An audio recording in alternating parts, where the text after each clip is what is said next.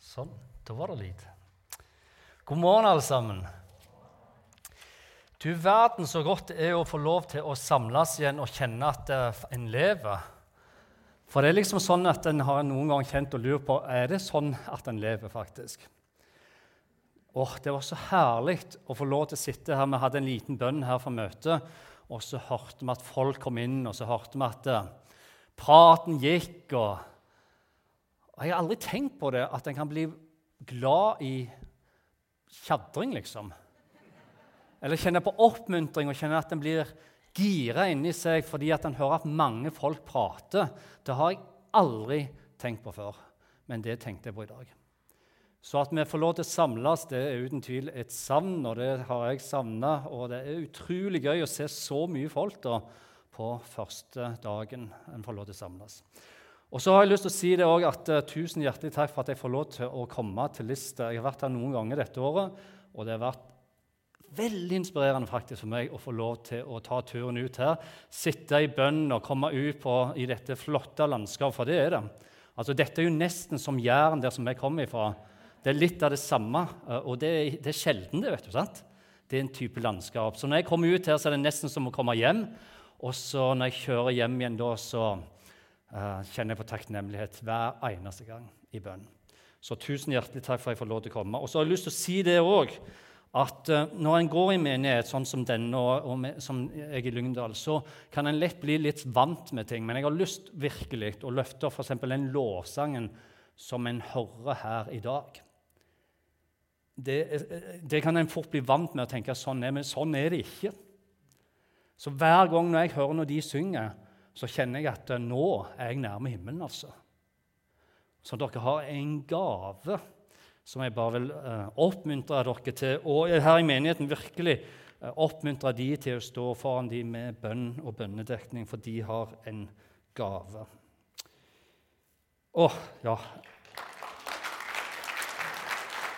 Det er flott. Og så må jeg si det òg jeg skriver årsrapporten. Jeg, nå, nå, deler jeg litt av årsrapporten. Dere, faktisk, dere, får høre det før de er ferdig i Lyngdal, så det er bra. Men i årsrapporten min i år så skriver jeg at uh, media Vi har hatt 48 gudstjenestesendinger i, i media i løpet av dette året. Uh, det når ikke fellesskapet vårt til Ankland engang. Og med det mener jeg at Når jeg ser på dere, når jeg tenker på fellesskapet, tenker menighet sånn som det har fungert, og savnet som har vært der, Anna, så tenker jeg Jeg tror at vi har redusert gavene våre og funksjonaliteten i gavene som Gud vår har gjort oss til, til å sette dem i bokser. Eh, vi må snakke om gavene og gavene i funksjon. Det er helt rett, det skal vi gjøre som pastor og leder. og alt. Men jeg tror at bare samles som fellesskap med den samme troen under paraplyen Guds folk, så fungerer gavene helt automatisk. Så kafé eh, når den tida kommer, og, og kaffe, drøs, prat Det er undervurdert hvor sterke gavene er i funksjon i en menighet, tror jeg. Og det har han sett dette året når det har vært mangelvare på det. Oppmuntringsord. Et håndtrykk, et klapp på skulderen. 'Dette var bare klappen dere nettopp gjorde.' Får ikke til det i media. Så En skal være så takknemlig for at en får lov til å være en del av sånn et fellesskap. Og så må en ikke glemme det at når året nå kommer, at en heier på hverandre. At en liksom løfter hverandre opp. At en våger å si 'Å, det er så bra når du sier sånne positive ord', for det gjør faktisk noe med meg. Og det gjør det. Det gjør det. Og det er det som jeg savner. Og derfor var det godt å høre litt tjadring i dag, rett og slett. Litt sånn åh, det var et savn. I dag så har jeg fått en, eh, en, flott oppgave, fordi det er et privilegium å få lov til å snakke om å ha tid sammen med Jesus som er litt av heading da, um, i menigheten her. Og um, det vi skal gjøre i dag, er at vi skal snakke litt om uh, relasjon og om hva bønn kan være for noe. Og Jeg kommer ikke gå sånn kjempedypt i det, fordi det er hovedtanken med relasjon i dag. Hva vil det si å ha en Jesus-relasjon? Og jeg tror at du trenger ikke være kristen engang for å tenke uh, dette. Jeg tror det er veldig mange folk som ikke betegner seg som kristne heller, som tenker at Jesus og bønn, det henger sammen. For oss som er kristne, så tenker vi at Jesus og bønn det henger sammen. Men folk som ikke er kristne, også tenker nok det. At hvis det er en ting som henger sammen, så er det liksom Jesus og bønn som henger i sammen. Altså det å be og det å ha et fellesskap med Jesus, det er liksom En kommer liksom ikke utenom det. Og det har jeg lyst til å prate om i dag. Ønsker du å ha tid sammen med Jesus, så er bønn måten å gjøre det på.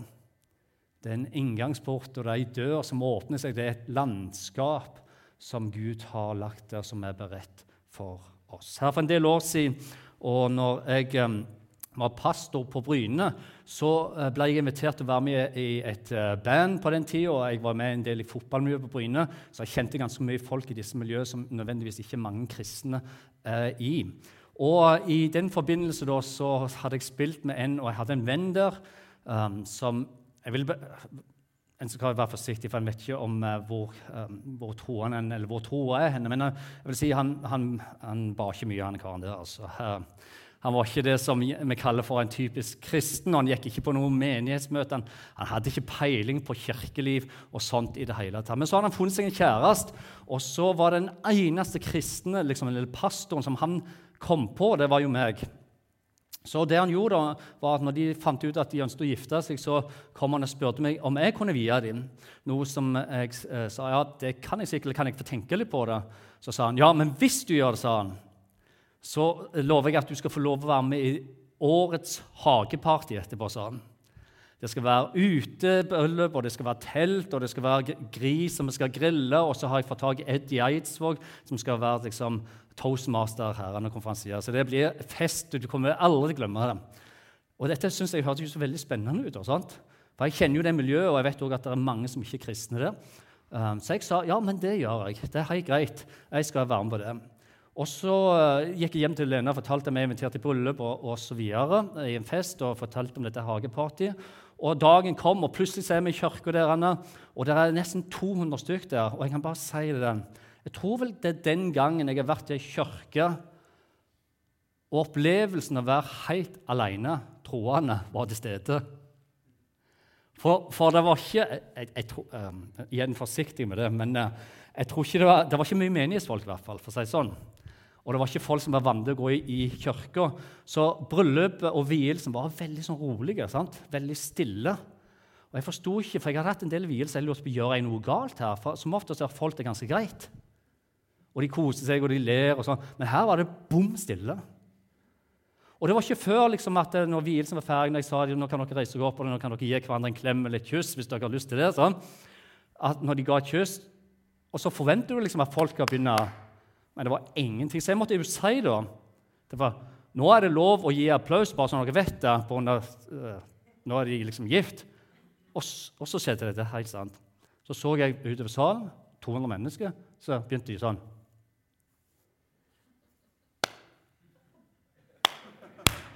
Og så begynte de å klappe og klappe, og så kom det liksom 200 som klappte. Og Poenget mitt er det at de tenkte noe om kirke og menighet som jeg ikke forsto. Når neste sang kom, og jeg presenterte sangen, og den var ferdig, da trengte jeg ikke si et ord. Og dette er helt sant. Det som skjedde nå, var at de jubla. Og det var faktisk folk som reiste seg, og de klapte helt vilt. For dette var jo ganske all right i ei kirke å gjøre. Og når jeg kom ut på trappa etterpå og liksom skulle si takk for i dag, så sa jeg det var sykt bra, men jeg visste ikke at det var lov å klappe i kirke. altså. Det var veldig overraskende for mange av dem, og de syntes det var så kult. Og så skjer jo dette at når jeg ser det, og brudgommen sier ha det til brukeren, for vi skal bort i hageparty etterpå, skal bare hente konsekvensene til, da, da, gleder vi oss til senere i hageparty. Ja, sier han og smiler og ler, og så kjører de i gårde. Tenkte ikke noe mer på det. Hjem, hadde finstasen på, og hadde med meg Lena og kona mi kommet til det store hagepartyet der jeg så skal være konferansier. Og når vi kommer inn med gaven her og skal gi den, så forstår vi at noe er galt. For plutselig så kommer bruden bort, og så sier hun, 'Oi, er dere her?' Følelsen at du forstår at du er på en plass der du ikke skulle ha vært, var sterkt til stede med en gang. Og Hvis jeg kunne, så hadde jeg liksom rent ned under gresset og bare forsvinne bort. liksom. Det var den følelsen du hadde på innsida. Og så viste jeg når brudgommen kom bort, og så sier bruden hvisker noe i øret til han, og så sier han, 'Å ja, det stemmer, jeg glemte å gi deg beskjed om dette i år kommer.' Da hadde han invitert oss, han hadde glemt å gi beskjed til bruden som satte opp listen, at vi skulle være med i dette bryllupet. Så det var ikke noe navnskilt på Lena og Jim der. Og det var ikke noe plass inn i svære hagetelt. Og dette her fikk jo konferansier Eddie Eidsvåg med seg. Så når vi da kom inn, og de lagde plass, altså, vi fikk lov til å sitte, og det ble liksom grillte gris på oss òg Men når festen skulle begynne, så begynner Eidsvåg å si han sånn Og så er vi så utrolig heldige å ha en prest iblant oss som trenger seg på bryllupsfesten. Selv om det ikke var plass på han, så krever han sin plass. Og så sier han men så er det godt at når vi kommer til himmelen, den store festen, så er det ikke sånn, for der er jo alle invitert. Så han, Og så ble det litt lott og løye av det. da. Men følelsen av å være på plass der du ikke passet inn, der du ikke tenkte at oi, her var det ikke sånn som jeg trodde, var utrolig sterkt til stede. Og For mange så tror jeg det er sånn når de kommer utenat og skal inn i menighet og i kirken, der de kjenner Og de trodde det var sånn, men så var det ikke sånn allikevel.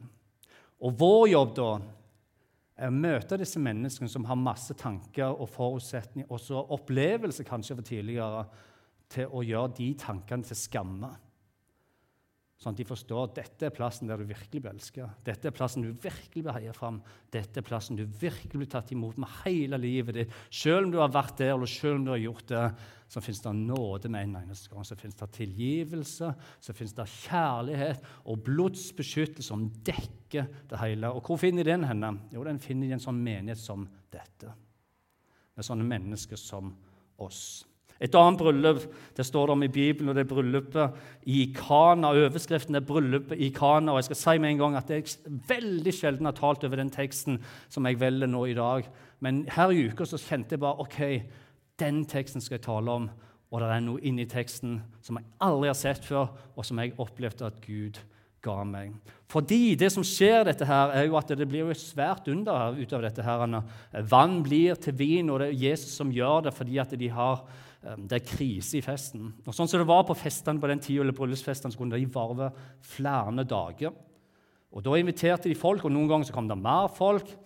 Og Det står at mor til Jesus var her, Maria, og Jesus var her med sine disipler, eller de disiplene han hadde med seg. Ikke alle, men det var noen av dem. Om de har eh, beregnet for lite vin, det vet jeg ikke, men eh, det går veldig galt. Og midt i festen her så plutselig så begynner vinen å tømmes helt. Og eh, krisen er der, og det står at uh, mor til Jesus, da, som sikkert er veldig tett uh, venn med disse her, hun kommer til Jesus. Og her er greia at mor til Jesus visste jo noe om hvem Jesus var, men hun visste ikke fullt ut hvordan dette tok seg ut. Men visste at Jesus kunne gjøre noe med denne utfordringen, dette problemet. Så hun kommer til Jesus og så står det dette i historien. Den tredje dagen så var det bryllup i Kana i Galilea. Jesu mor var der, og så var Jesus der, og så var disiplene der. og de Grunnen til de var der, for de var faktisk innbudt. De, sant? Det er ikke sånn som med meg. Jeg trodde jeg var innbudt, men disse var innbudt. sånn at det, Der var det navnkort, og, og det var alt på plass. Men da vinen tok slutt, så kommer Maria til Jesus. Og så sier hun Jesus. De har ikke mer vin. Og Jeg ser for meg at mor til Jesus er litt desperat her. Fordi når, når, det er slutt på vin, så er det også slutt på festen der. Det er ikke sånn i dag at vi tar fram en Pepsi Max og setter på bordet eller osv. De hadde ikke det, de. Så det var vin eller ingenting. Og nå var det snart slutt. Og for brudgommens familie og for brudgommen sin, eh, som skulle i grunnen ha eh, dette på plass, så var dette krise. Litt sånn som han brudgommen som jeg hadde med å gjøre. Han skulle jo liksom fikse dette, men han fiksa det ikke helt. Og Her var det ikke bare en prest og fruen. Her var det en hel fest. Det var en krise. Og Maria kommer. Jeg ser for meg at du kvisker dette her til Jesus. Jesus, de har ikke mer vin. Det er krise. Og svaret til Jesus det kan virke litt sånn hardt når du leser det. Men han svarer, 'Kvinne, hva vil, hva vil du med meg?' Hvorfor kommer du med meg, til meg med dette? Liksom, Fiks det sjøl. Men hun kommer til Jesus, og så sier Jesus at grunnen til at han reagerer sånn, er jo at min time er ikke kommet ennå. Og Det Jesus i grunnen sier her, er veldig viktig at vi får med oss. For det som skjer etterpå, det rører meg så langt ned i hjertet og langt ned i kroppen at jeg kjenner at jeg blir skikkelig betatt av Jesus. Fordi det han sier dette her Min time er ikke kommet ennå. Det vil si at Gud har en redningsplan, en frelsesplan, fra A til Å, som ender med Golgata kors oppstandelse og Den hellige ånd. Det starta med stallen, men dette her var ikke Guds plan. Min time er ikke kommet ennå. Det er ikke her dette skal skje. Jeg skal ikke begynne å gjøre under i mirakler nå, altså. Fordi det kommer til å skje noe med folket, sånn at det er seinere, det, Marie. Og Jeg bare ser for meg Gud, den allmektige skaper av alt liv og jord, som har lagd denne planen, og som på en måte ser dette løpet. her, Anna.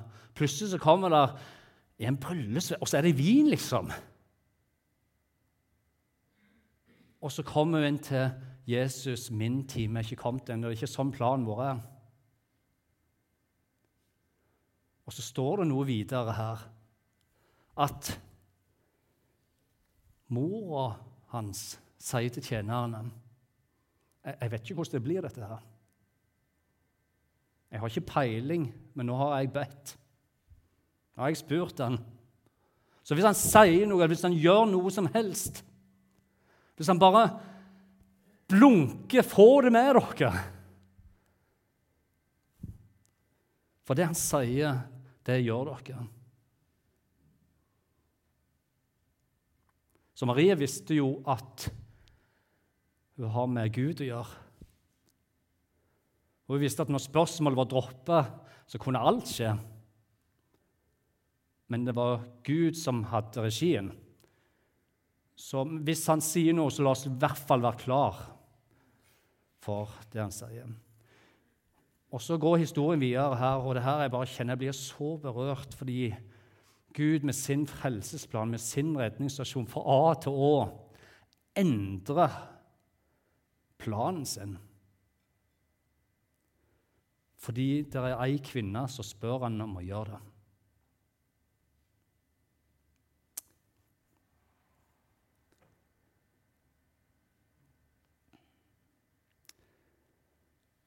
Og Jeg bare kjenner at det er så sterkt å se at sånn er det Gud er. Han er ikke en hard dommer som sitter der oppe. Han er ikke en som påtrenger seg tronesplassen. Men han er en som våger å være nede i livet vårt. Så han er lyttende til Marino. Kan man lytte til oss når vi kommer med våre smerter, vår sorg og vår plage og våre bønnebegjær og det som vi ikke forstår, det som er så vondt at vi ikke klarer å forstå når barnebarn eller barnet vårt ikke er det som vi skulle ønske de var. Så står han der og ser er nær i det, lyttende. Og så står det at Jesus ber om å få noen kar. Og så endrer han hele festen. Og endrer hele planen sin. For plutselig så dropper han alt. At Oi, her er det en som gjør mirakel under. Vi har aldri sett dette før. Og så var det gjort.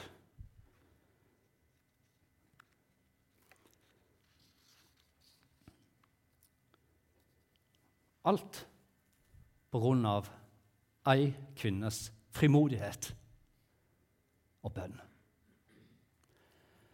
Om du leser Bibelen, så står det mange plasser og flere plasser at Jesus, så fort som han hadde tid til det Eller feil sagt Jesus valgte å ha tid til dette først. Vi kan fort tenke at så fort jeg har tid til det, så skal jeg skvise det inn. Men Jesus gjorde ikke det. Han sa dette skal jeg ha tid til. La oss se om vi får tid til andre. Og Vi snakker om relasjon til far, vi snakker om bønneliv, vi snakker om det å være nær sin far. Det står f.eks. dette er tidlig om morgenen mens det ennå var ganske mørkt. Da sto Jesus opp, og han gikk ut, og han dro til et øde sted, og han ba der. Og Disiplene de fikk med seg dette. De så det. Er han oppe igjen, liksom? Går han av gårde igjen? Det ble seint i går, men han er oppe og går. En annen plass står det dette her, at ordet om han kom bare enda mer ut. og Mye folk kom for å høre og for å bli helbredet for sine sykdommer. Men så står det at midt oppi alt dette Det står om et matunder 5000 blir mette for kvinner og barn. Hva er det Jesus gjør midt oppi festen? Disiplene er Nå skjer det ting her, altså! Nå er det fest! Og vi har aldri vært så mange som nå. Nå er vi konger på haugen. Hva er det Jesus gjør? Han dropper hele festen og så sier han, nå skal vi gjøre det som virkelig er viktig. Og så går han av gårde han trekker seg tilbake til et øde sted og var der i bønn. Eller det står sånn som dette her. Da hadde han, når han hadde sendt folk ifra seg, hva gjorde, Jesus? Jo, Da gikk han opp i fjellet. Og hvorfor gjorde han det? Jo, for å være for seg sjøl og be. Og når kvelden kom, så var han der aleine. Eller i disse dager skjedde det når han gikk opp i fjellet for å be, og han ble der hele natta i bønn til Gud. Og Dette er noen av stedene står om at Jesus velger å trekke seg unna. For Jesus han ønsket å ha dette fellesskapet. Ikke bare han ønsket, han visste at det var i dette fellesskapet at vann kunne bli til vin. Det var ikke noen læreregler som vi veldig fort Jeg vet ikke hvor mange bøker det fins fra mange velmenende uh, kristne ledere og pastorer rundt omkring. Uh, step one, two and three og så er lik. Hvis du bare gjør dette, og så gjør du det, og så gjør du sånn, så er det ærlig forventa velsignelse. Jeg, jeg, ser ikke det i Bibelen, jeg. Og jeg leser ikke det rundt Jesus sitt liv. Men det jeg leser, er at han valgte å si dette er min prioritet. Og så får jeg se om jeg har tid til det andre. Ja, men Jesus, nå skjer det så mange ting her. Vi bare må og vi må og vi må. Ok, men må vi det? Nei, det må vi ikke. Men dette må jeg, sier Jesus. Han sier dette. Sannelig, sannelig, så er det sånn det er. Jeg sier dere, sånn, sånn er det. At sønnen kan ikke gjøre noe av seg sjøl men bare det han ser sin far gjøre. Og, og, hvis du skal se din far, hva han gjør, så er du nødt til å være sammen med din far. Og det er dette Jesus visste. For det far gjør, det gjør også sønnen. Så bryllupet i Kana, grunnen til at Jesus kunne endre og forvandle vann til vin, handler om Jeg har sett min far gjøre dette. Derfor kan jeg være frimodig og gjøre det. Med andre ord uten Gud ingen kraft.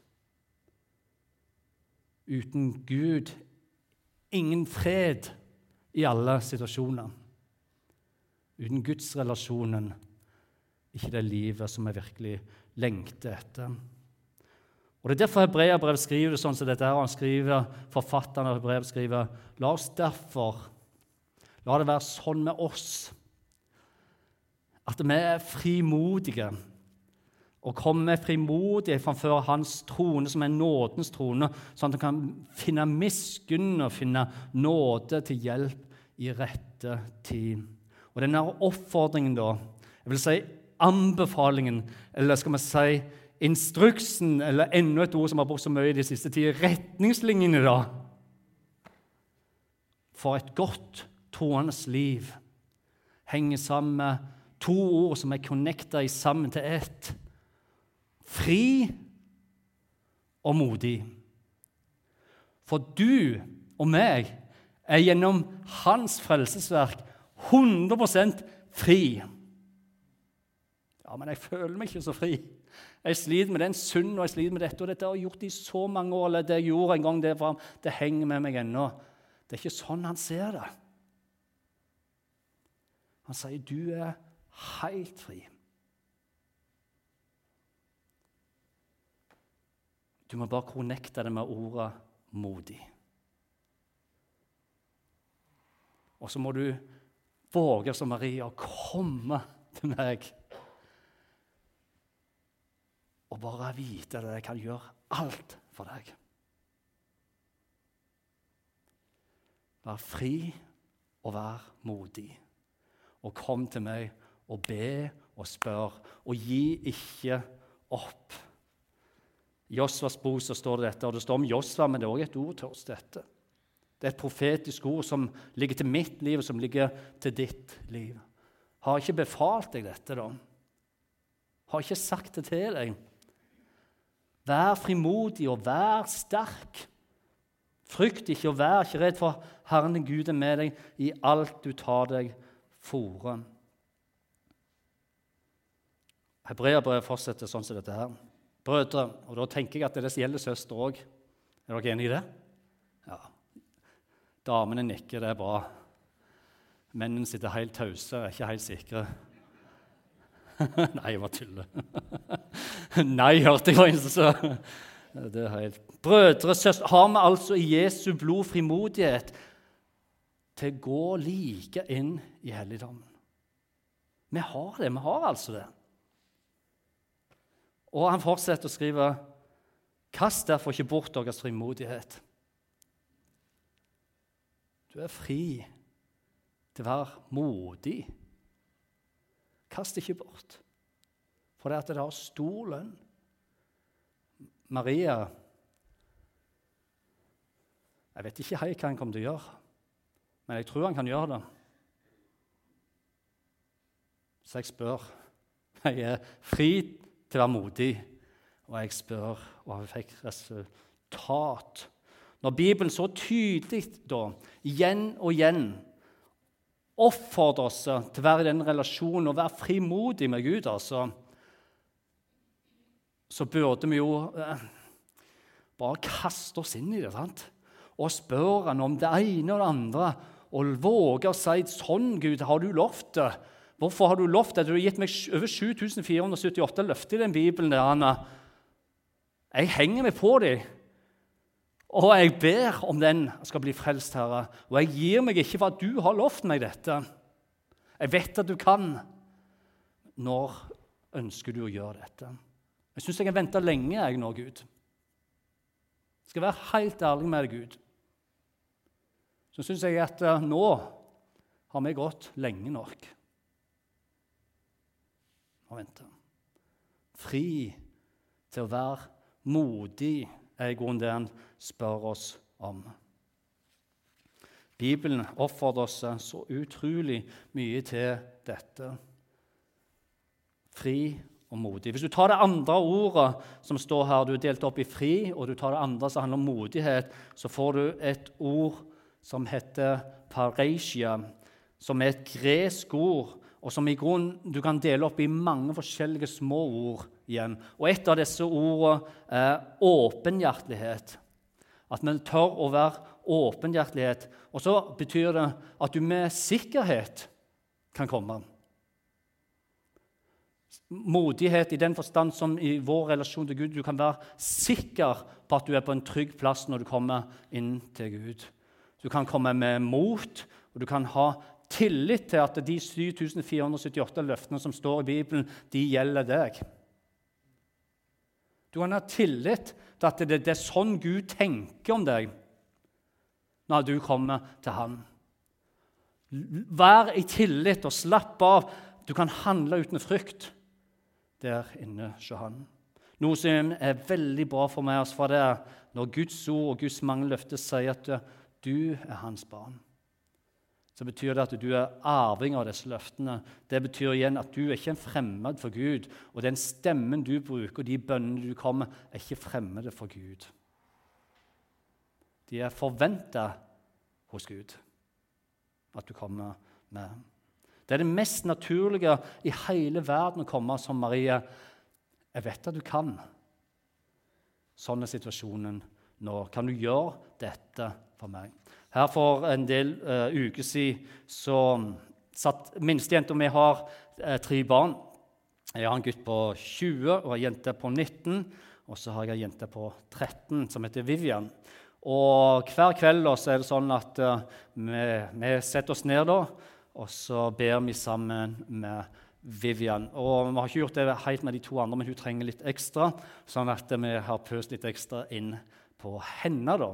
Og det har vært veldig veldig greit og veldig utfordrende også noen ganger. Fordi her for noen uker siden vi satt på sengekanten til Vivian, som har en del utfordringer, så spurte meg plutselig sånn som dette her. 'Pappa, hvorfor er det sånn at Gud ikke svarer når jeg ber?' Jeg har jo bedt så mange ganger. Hører han ikke meg, eller vil han ikke høre? Eller er ikke jeg viktig nok for han?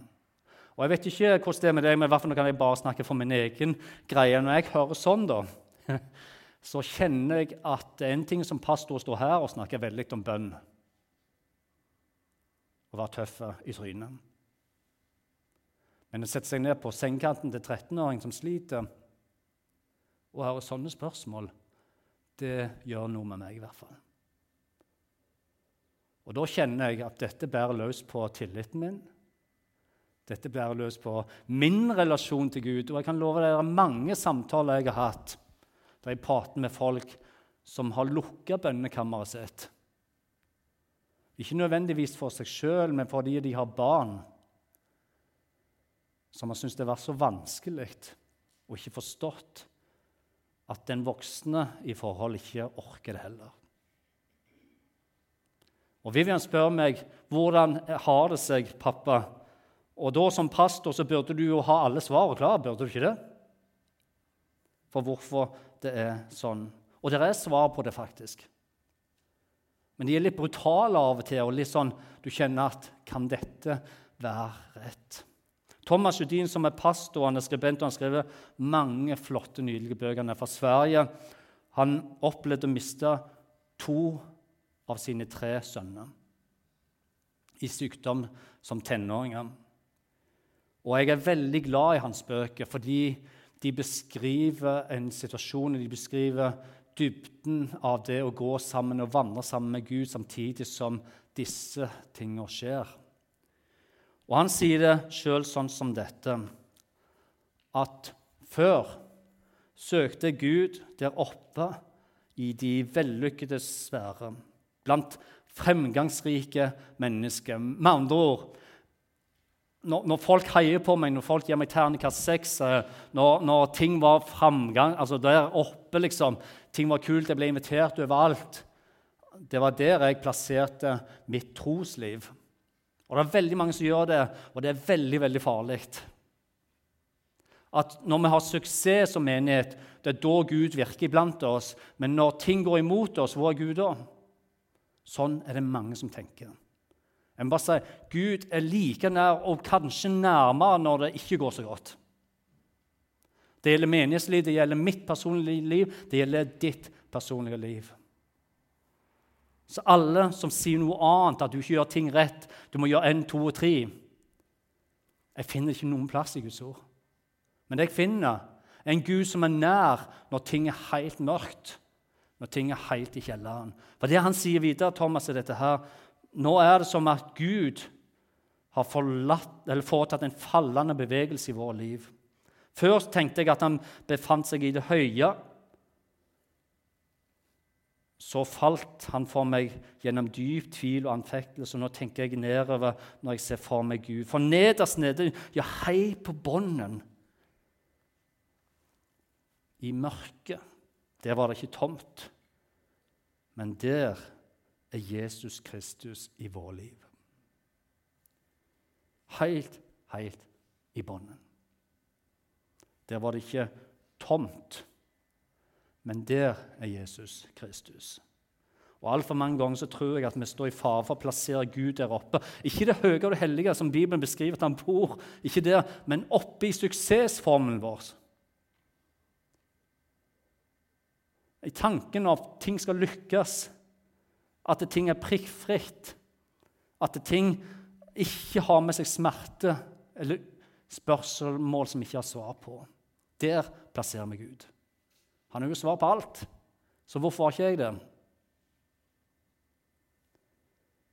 Spørsmålet er jo hva gjør det denne forståelsen med vårt gudsbilde over tid? Når faktisk det normale, naturlige verden møter oss.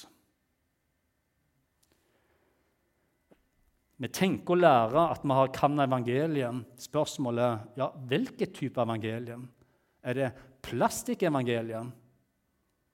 Som vi lærer videre til ungdommene våre, slik at når de møter den virkelige verden, så har ikke plastikkreligionen sjans til å overleve. Det som er rett om bønn, er dette. Noen bønnesvar får vi nå i dag, som Marie fikk.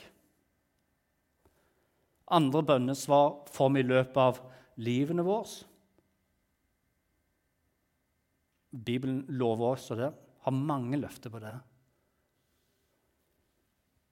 Mens noen bønnesvar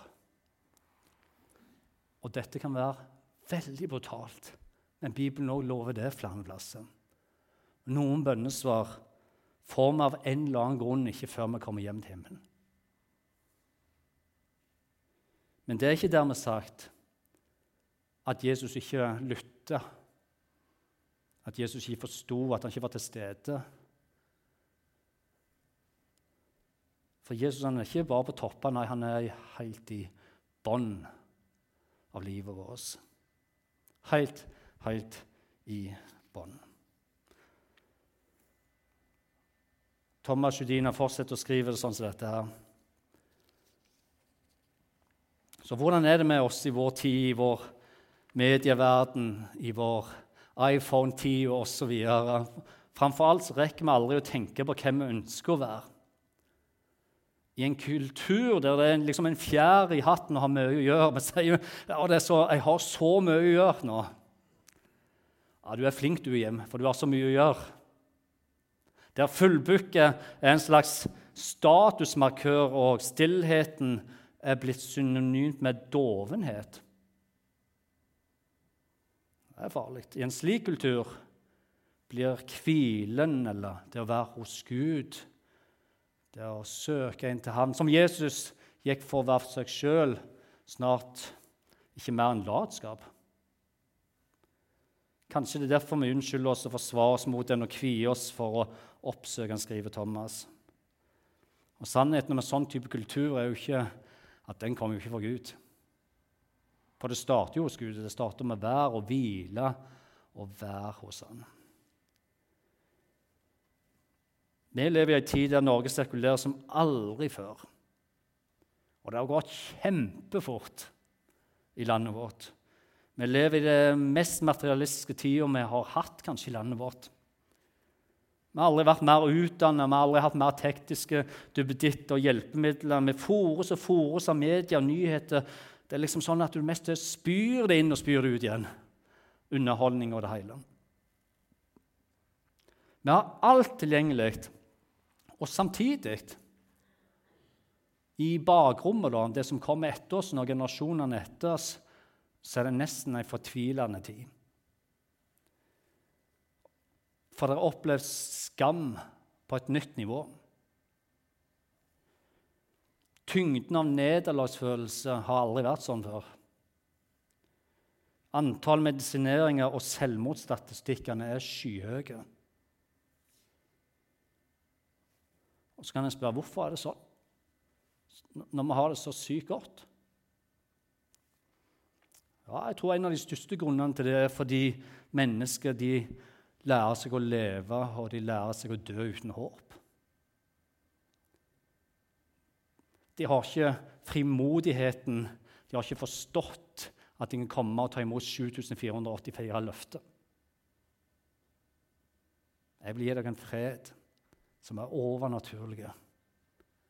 som ikke tilhører denne verden, men som tilhører meg, sier Gud. Ja, La oss gå inn og få den freden, da. La oss søke den. Ja, men det trenger hvile, det trenger tid. Ja, la oss gjøre sånn som Jesus da. Ville bort noe annet og våge å være der heller.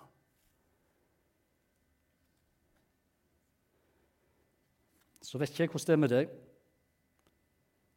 Men jeg tror jo at sekulisering, hvis det er noe sekulisering gjør med oss, så er det at den suver ut håpet ifra livet vårt. Og Der vi tidligere var et land som sendte ut misjonærer du vet, når Jeg ble frelst, jeg var 17 år da jeg ble frelst, og Nå høres jo litt gammel ut, jeg er jo ja, kommet litt opp i år, men uh, det er ikke så mange år siden. Og Jeg husker at jeg var med på sånn misjonsoppdrag der du var med og betalte misjonærer. Vi hadde en misjonær liksom, som fortalte misjonærer. Jeg husker jeg ble så fascinert av disse som kom fra Kongo og fortalte hvordan de hadde vært det. Og Nå jobber jeg ved siden av Eilif Tveit, han var jo misjonær. sant? Og jeg ble så fascinert av det. Men, men nå hører du nesten ingenting sånn lenger. For Norge var jo et land som sendte misjonærer for 30 år siden. Og vi sender ennå misjonærer, men, men, vi er jo ikke kjent for det lenger. For det er ingen som helst vil snakke for veldig mye om det. rett og slett. Vet du hvordan dagens misjonær Vi hadde et sånt webseminar her. og nå var det en som løftet fram dette spør. Vet du hvordan dagens misjonær ser ut? Bang, kom det opp et bilde av ei mørkhuda jente, ung jente med krøller fra Afrika. Det er dagens misjonær. Fordi i Kongo i dag så er det svekkelse, og det har vært over flere år. Det er så mye mennesker som har blitt frelst at nå begynner de å sende misjonærer til Norge. Og vet du hvorfor de sender misjonærer til Norge? Fra Amerika kommer det misjonærer til Norge. Vet du hvorfor det kommer misjonærer til Norge? For Gud har lagt Norge på hjertene deres. og sier Norge trenger å evangeliseres. Så sekulariseringa er over oss. Det vi har fått Vi har fått Du er helt fri til å være modig. Komme inn til meg. Jeg er ikke en Gud som bare sitter der. Nei, du som kjenner at livet er noe dritt. Der er jeg sier Gud. Der er jeg. Du tenkte at det var for mørkt for Gud her nede. Det fins ikke noe som er for mørkt for Gud. Han vet hva mørket virkelig er. Det var han som døde på korset, det var han som var nede i mørkets rike. Så han vet hva det handler om. Det er derfor, når vi kjenner at nå faller livet sammen, så vet han hva det dreier seg om. Det er derfor han står der med åpne armer og sier 'kom'. Vær fri. Og vær modig og bare len deg inn til meg. Fall inn til meg.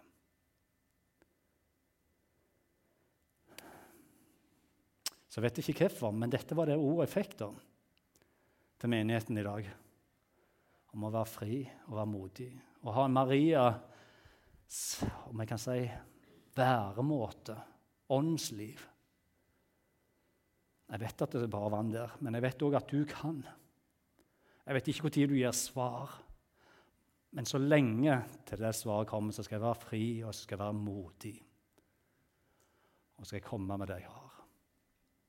Her er mitt barnebarn. Her er min datter, Gud. Her er min sønn.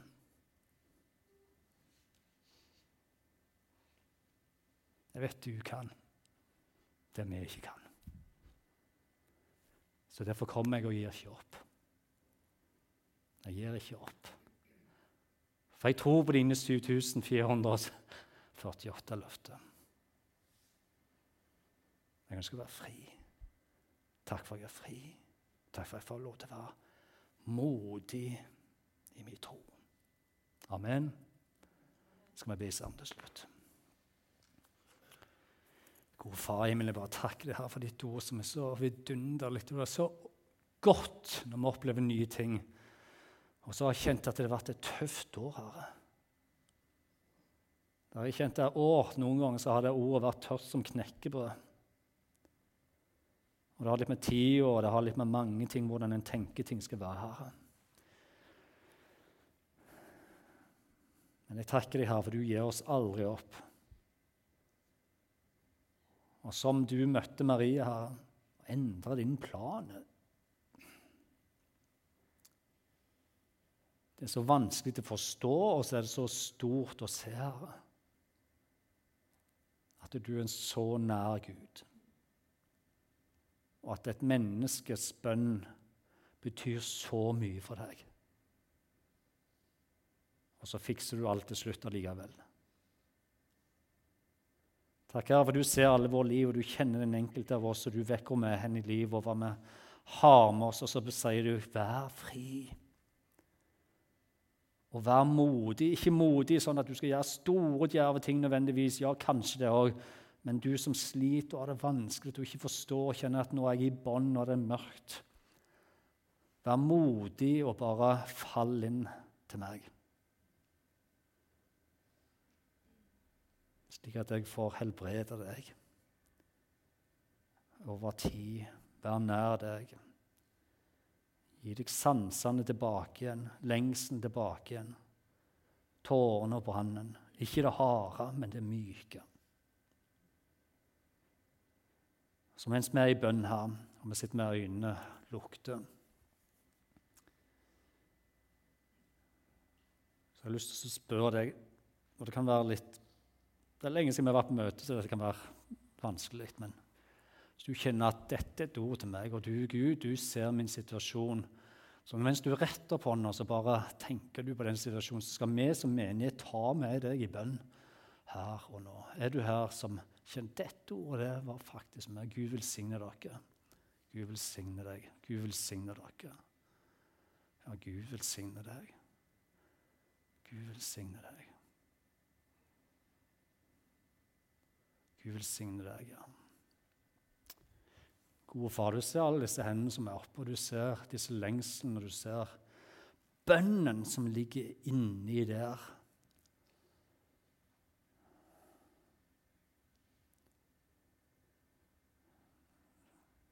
For noen er det fortvilelse, for noen er det avmakt, for noen er det sånn Gud, stort spørsmål hvorfor og hvorfor ikke.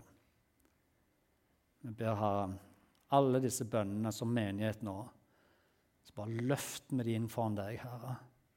Og så ber vi at du på ny skal tenne den brannen som trengs, Herre. Du på ny blåser på gløden, Herre. Du på ny gir kraft, og du ny gir liv, Herre. La det være som den våren som vi kjenner ute, Herre, at det kommer mot sommer. La det være sånn i våre liv, og disse som retter opp, Herre. At de går mot lysere dager, lysere netter, Herre i Jesu Kristi navn. Så ber jeg for de som sliter med angst og depresjon spesielt, som har kjenner at denne tida har vært kjempetøff. Åh, Gud, kom med din kraft og et nytt liv. Og legg din hånd på dem og helbred, Herre. I Jesu Kristi navn. Det ber vi om, og da sier vi alle Amen.